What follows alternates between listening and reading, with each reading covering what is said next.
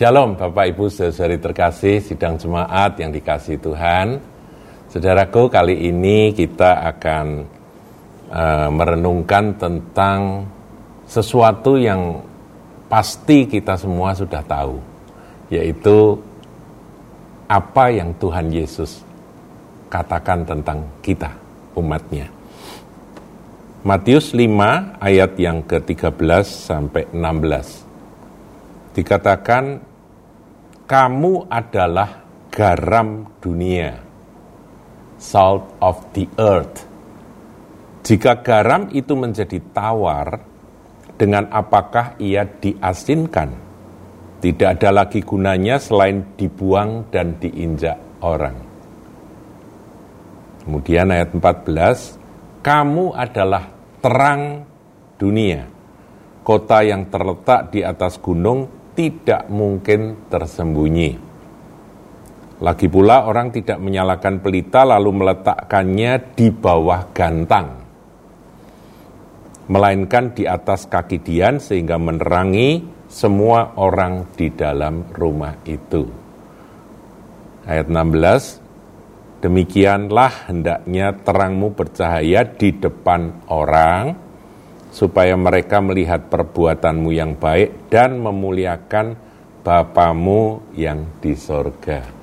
Saudaraku, yang perlu kita garis bawahi, eh, kata-kata Tuhan ini yang pertama adalah kamu adalah garam dunia.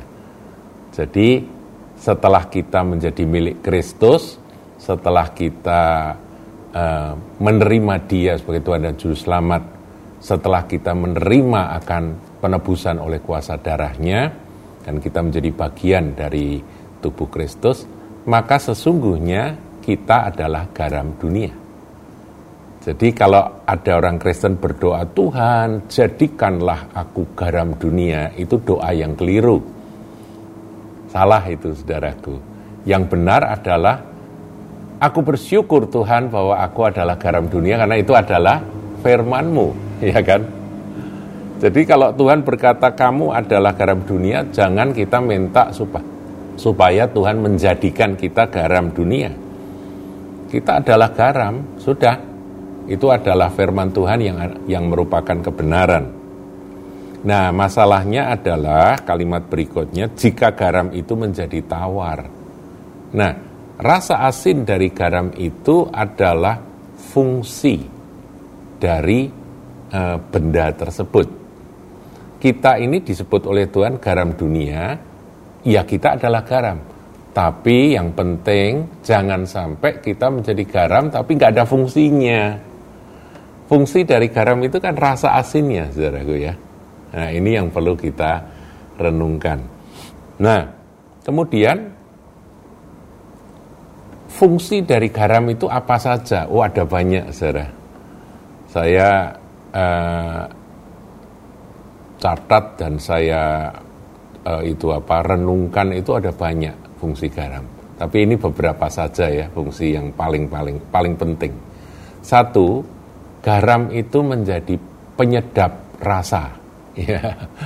Kalau ada masakan sayur entah itu sayur asem atau apa, uh, sup atau apa saja saudaraku kalau tidak dibumbui dengan garam, itu rasanya hambar, saudara.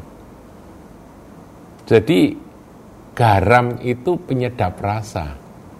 Sampai ada pepatah yang katakan bagaikan sayur tanpa garam. Yaitu kalau anak-anak muda yang suka berpuisi katakan hidup tanpa cinta bagaikan sayur tanpa garam. Ya, artinya hambar, nggak ada rasa, Bahkan kalau saudara lihat di dalam surat Ayub, itu Ayub pernah mengeluh. Dapatkah putih telur itu dimakan tanpa garam? Aku muak, aku tidak bisa memakannya. Itu merupakan satu ungkapan, saudaraku, bahwa garam itu adalah bumbu dapur yang nomor satu, utama. Saudara boleh punya segala macam bumbu, ini ibu-ibu kan yang ngerti bumbu ya. Bumbu itu kan kalau Indonesia kan kaya sekali ya. bumbu-bumbunya, mulai dari merica, pala, laos, salam, apalagi saudaraku, katakan cengkeh, kapulaga, apa itu semua bumbu-bumbu yang ada. Termasuk penyedap rasa, vitsin. Tetapi kalau nggak ada garam, saudaraku, bumbu-bumbu itu meskipun wah komplit sekali, tetap nggak enak rasanya masakan tersebut. Jadi saya berani katakan dan saya kira ibu-ibu setuju bahwa bumbu dapur yang nomor satu adalah garam. Karena garam itulah yang membuat segala masakan itu menjadi sedap. Nah, itu fungsi yang pertama. Fungsi yang kedua dari garam adalah preserve. Preserve itu apa? Mengawetkan, saudaraku. Kalau saudara pergi ke pasar, saudara bisa uh, lihat bagian orang yang jual ikan asin. Itu ikan asin itu nggak busuk, saudara. Karena apa? Karena digarami. Ya, jadi nelayan menangkap ikan di laut, kemudian ikan itu dibelek, dibuka ya, di, dibersihkan, dibuka, isi perut dikeluarkan, kemudian dilumuri garam, saudaraku. Setelah itu dijemur. Nah, daging ikan ataupun ada juga dendeng, saudara ya, saya dulu suka beli dendeng. Di Solo itu ada dendeng babi hutan, saudara ya, dendeng celeng itu, itu cuma dilumuri garam saja dan digantung begitu dan tidak busuk. Karena memang garam itu punya fungsi preserve atau mengawetkan. Dua ya, dua, dua saja ya. Nanti memang ada yang lain-lain secara ya fungsi. Nah, sekarang kita akan belajar tentang fungsi garam ini dalam satu penafsiran yang khusus, saudaraku. Ya, ada banyak tafsir ya, bahwa orang Kristen itu kalau hadir di mana-mana harus memberi rasa sedap, itu pasti. Pasti tafsiran, tafsiran itu adalah benar dan apa yang dimaksudkan oleh Tuhan. Jangan sampai ada kamu, seorang anak Tuhan, tapi suasana jadi nggak enak. Ada kamu suasana jadi nggak sedap. Lah itu namanya kamu bukan garam dunia begitu ya. Jadi selama kita garam yang punya rasa asin pasti kita memberi rasa sedap. Itu pasti pengertiannya seperti itu. tapi fungsi dari garam uh, sebetulnya saya lebih khususkan menjadi fungsi doa syafaat dan doa peperangan kita karena apa? Karena garam itu bekerja tanpa bunyi, tanpa suara, dan tidak kelihatan. Ketika garam itu dimasukkan ke sayur, itu sudah tidak nampak lagi garamnya. Tapi rasanya bisa dicicip, bisa dirasakan gitu saudaraku ya. Hasilnya bisa dirasakan. Demikian ketika garam itu sudah dilumurkan pada daging atau pada ikan, ikan segar yang dilumuri garam, Garamnya itu sudah tidak kelihatan, meresap, saudara, di dagingnya. Rasanya jadi asin, tapi faktanya itu bisa mengawetkan akan ikan atau daging tersebut. Ngerti ya? Sehingga saya menafsirkan, ini salah satu tafsir, saudaraku ya. Jadi saudara jangan terus setelah tafsiran ini diajarkan, saudara berkata, ini satu-satunya tafsir. Tidak.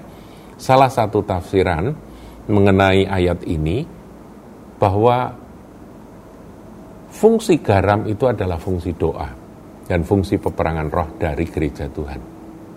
Gereja Tuhan, umat Tuhan harus berdoa.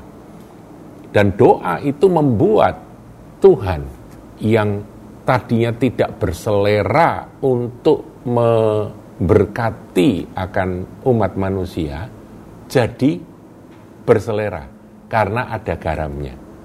Ya, sepertinya ini, ini, saya bayangkan saudaraku ya, saya saya uh, ilustrasikan seakan Tuhan itu melihat manusia yang penuh dengan dosa, penuh dengan uh, keegoisan, penuh dengan uh, kekerasan dan sebagainya. Tuhan itu muak. Tuhan itu ingin ingin ah, lenyap aja lah dihukum aja. Tetapi karena ada garam, maka Tuhan masih berselera untuk menerima akan dunia yang rusak ini. Nah, berselera untuk memberkati, berselera untuk me, apa itu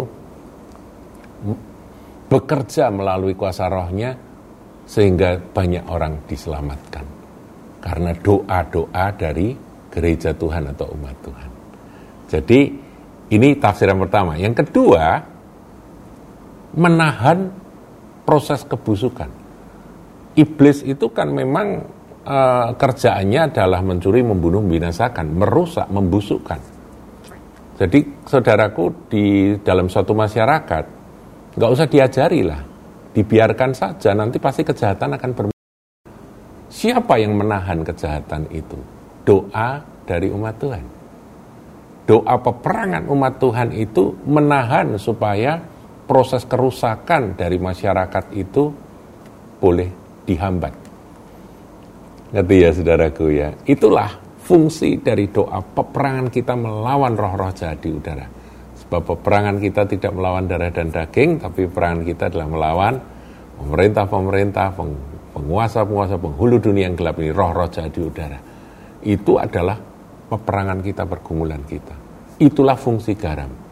Dan itulah yang membuat proses pembusukan yang dikerjakan oleh iblis atas masyarakat di mana kita ada, kita tinggal itu uh, tertahan, saudara.